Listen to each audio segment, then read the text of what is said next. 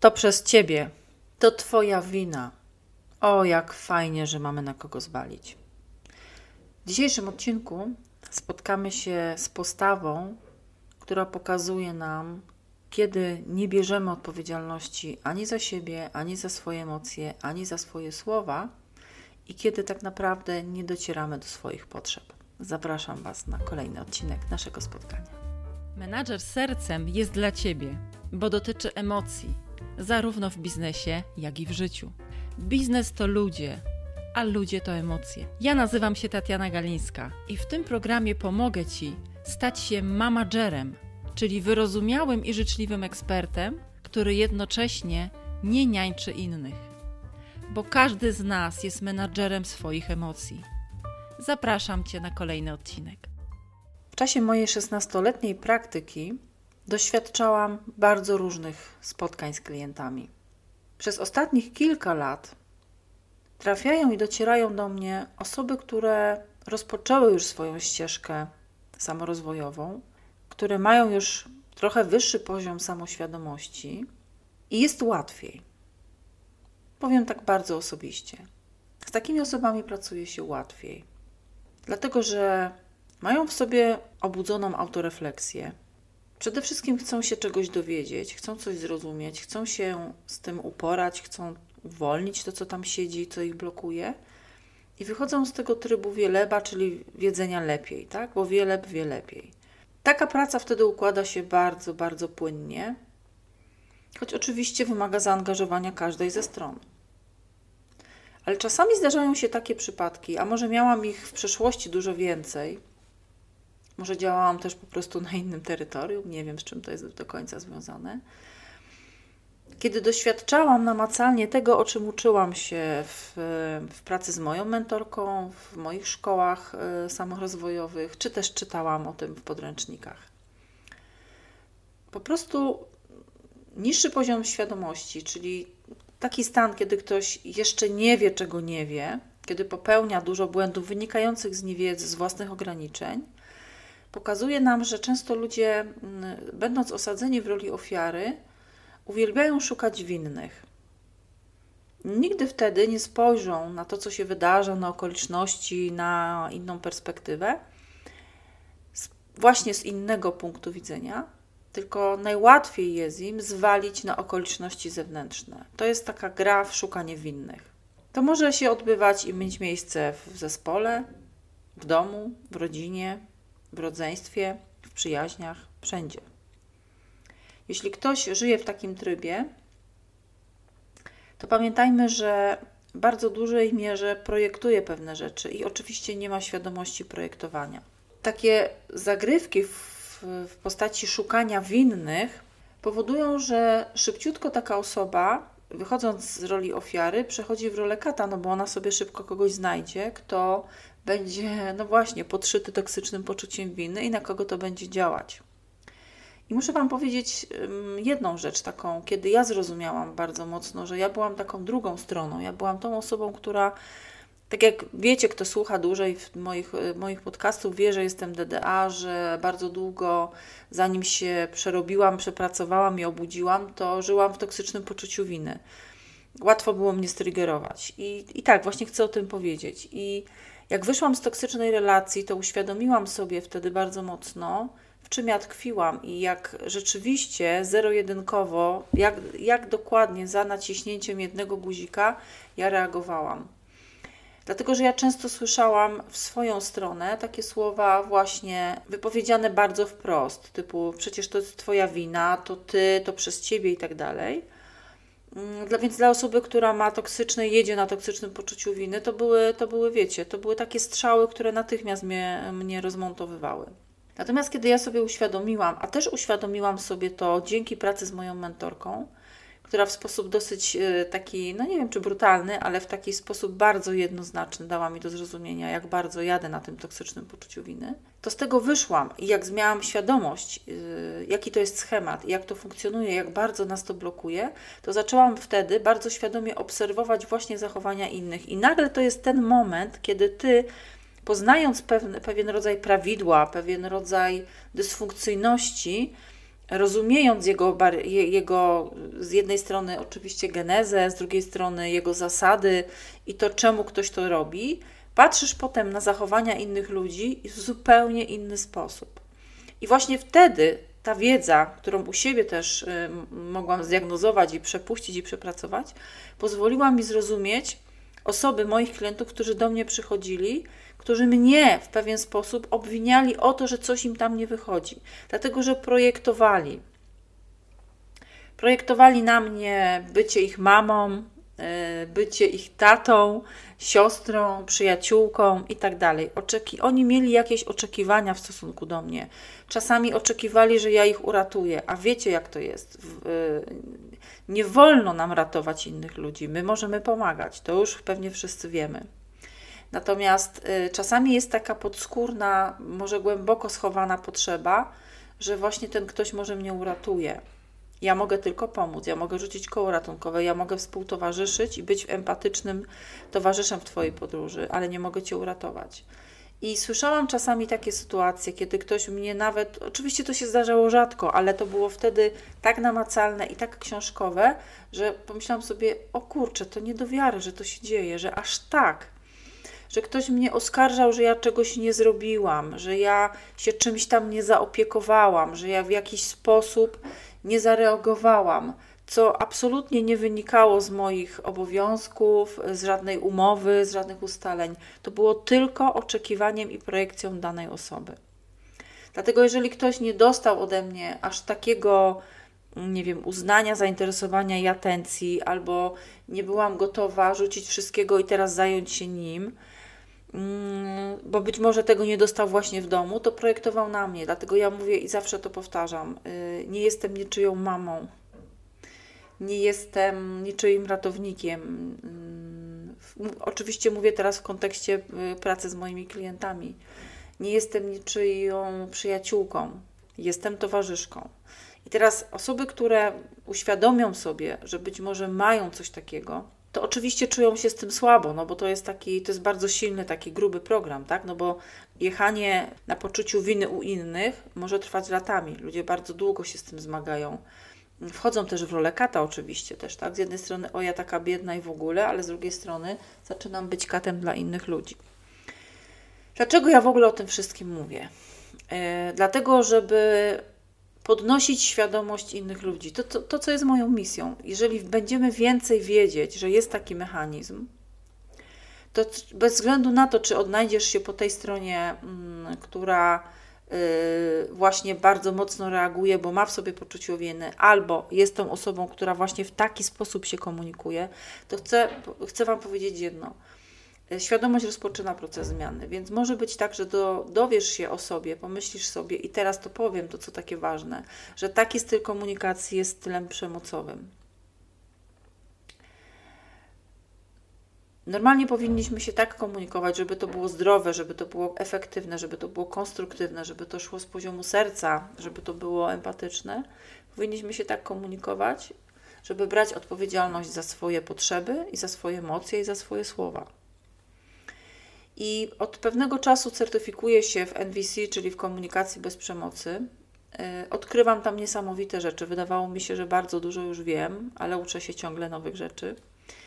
I zdałam sobie sprawę, tak, no, będąc na zajęciach, ćwicząc różne rzeczy, praktyczne sesje również przeprowadzając, myślę sobie, jak bardzo, jak bardzo jesteśmy upośledzeni w tej komunikacji i nie zdajemy sobie sprawy, ile tam jest przemocowych słów, ile tam jest przemocowych zachowań, mm, bo tego nas nikt nie uczy, tak? Dopiero jak idziemy do, do tak zwanej szkoły życia, to dowiadujemy się, jak bardzo to może być przemocowe. I teraz, moi drodzy, czego nas uczy komunikacja bez przemocy? Uczy nas jednej rzeczy: brania odpowiedzialności. Brania odpowiedzialności za to, jak ja się czuję, i wtedy nie wchodzę w oskarżenie, bo ty zawsze, bo ty nigdy, to przez ciebie to twoja wina, tylko zaczynam od tego, co mi to robi i jak ja się z tym czuję.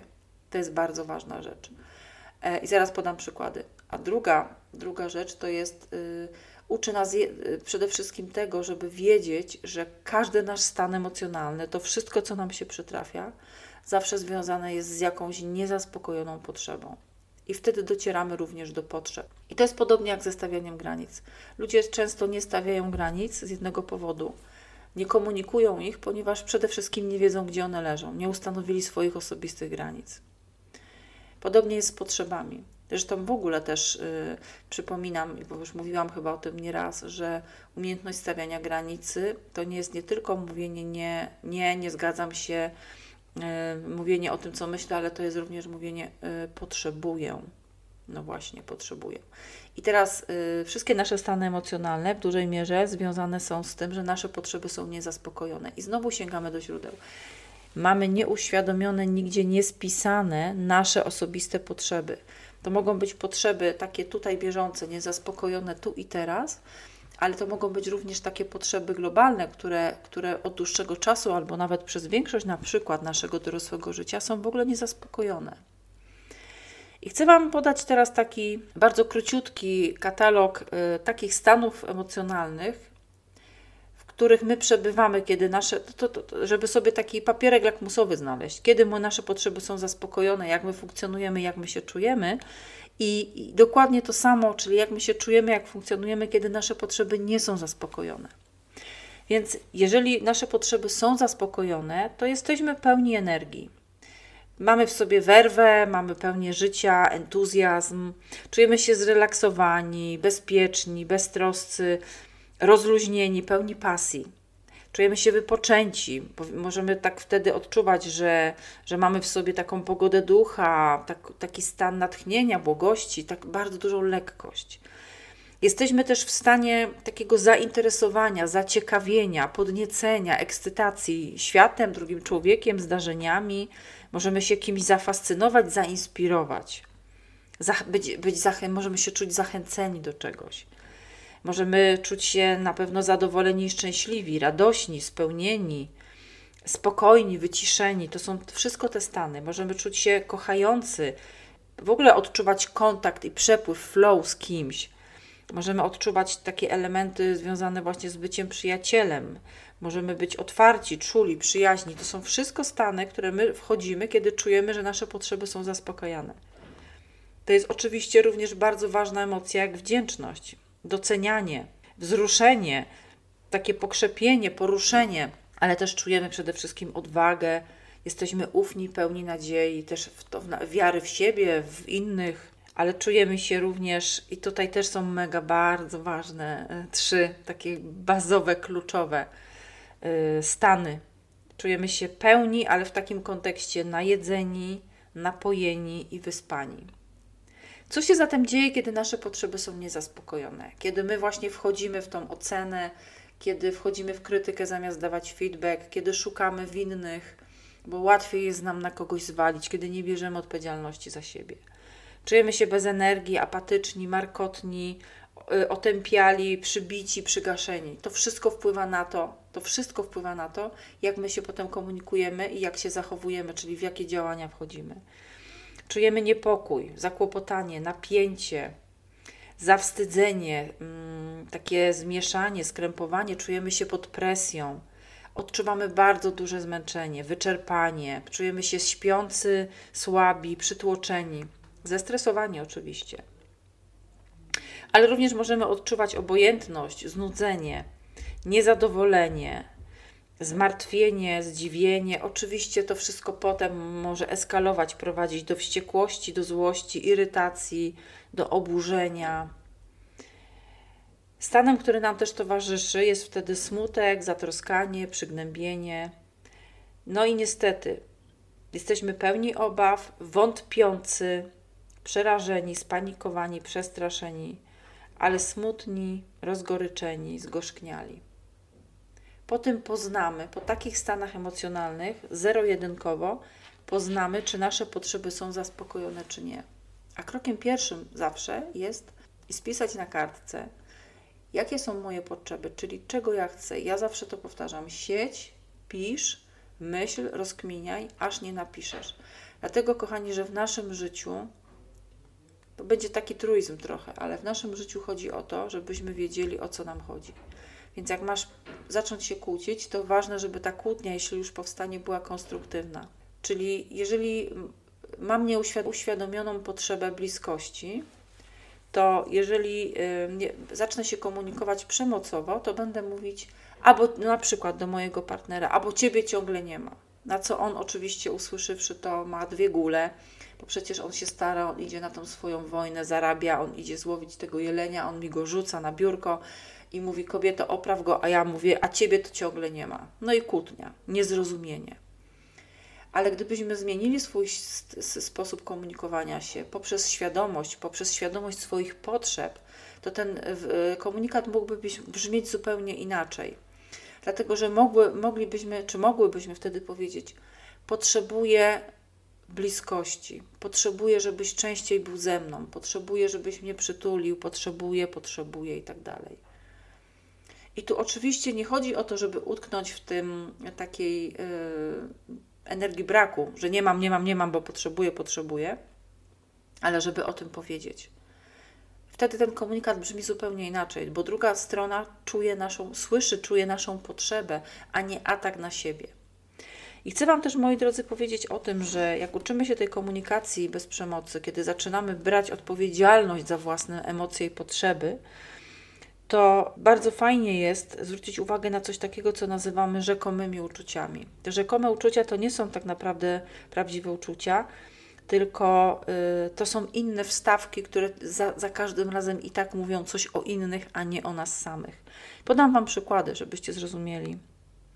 Na przykład ludzie, no niby brzmi to, na początek jak się w to nie zagłębimy, no niby brzmi to ok, czyli ktoś może powiedzieć, czuję, że nie robisz tego zbyt chętnie.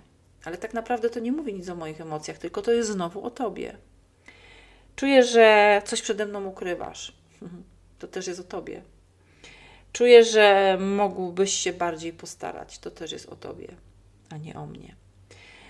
Możemy mieć tak zwane, mm, znowu w tych rzekomych y, uczuciach, tak zwane obrazowe porównywania. Na przykład czuję się tak, jakbym żyła na krawędzi.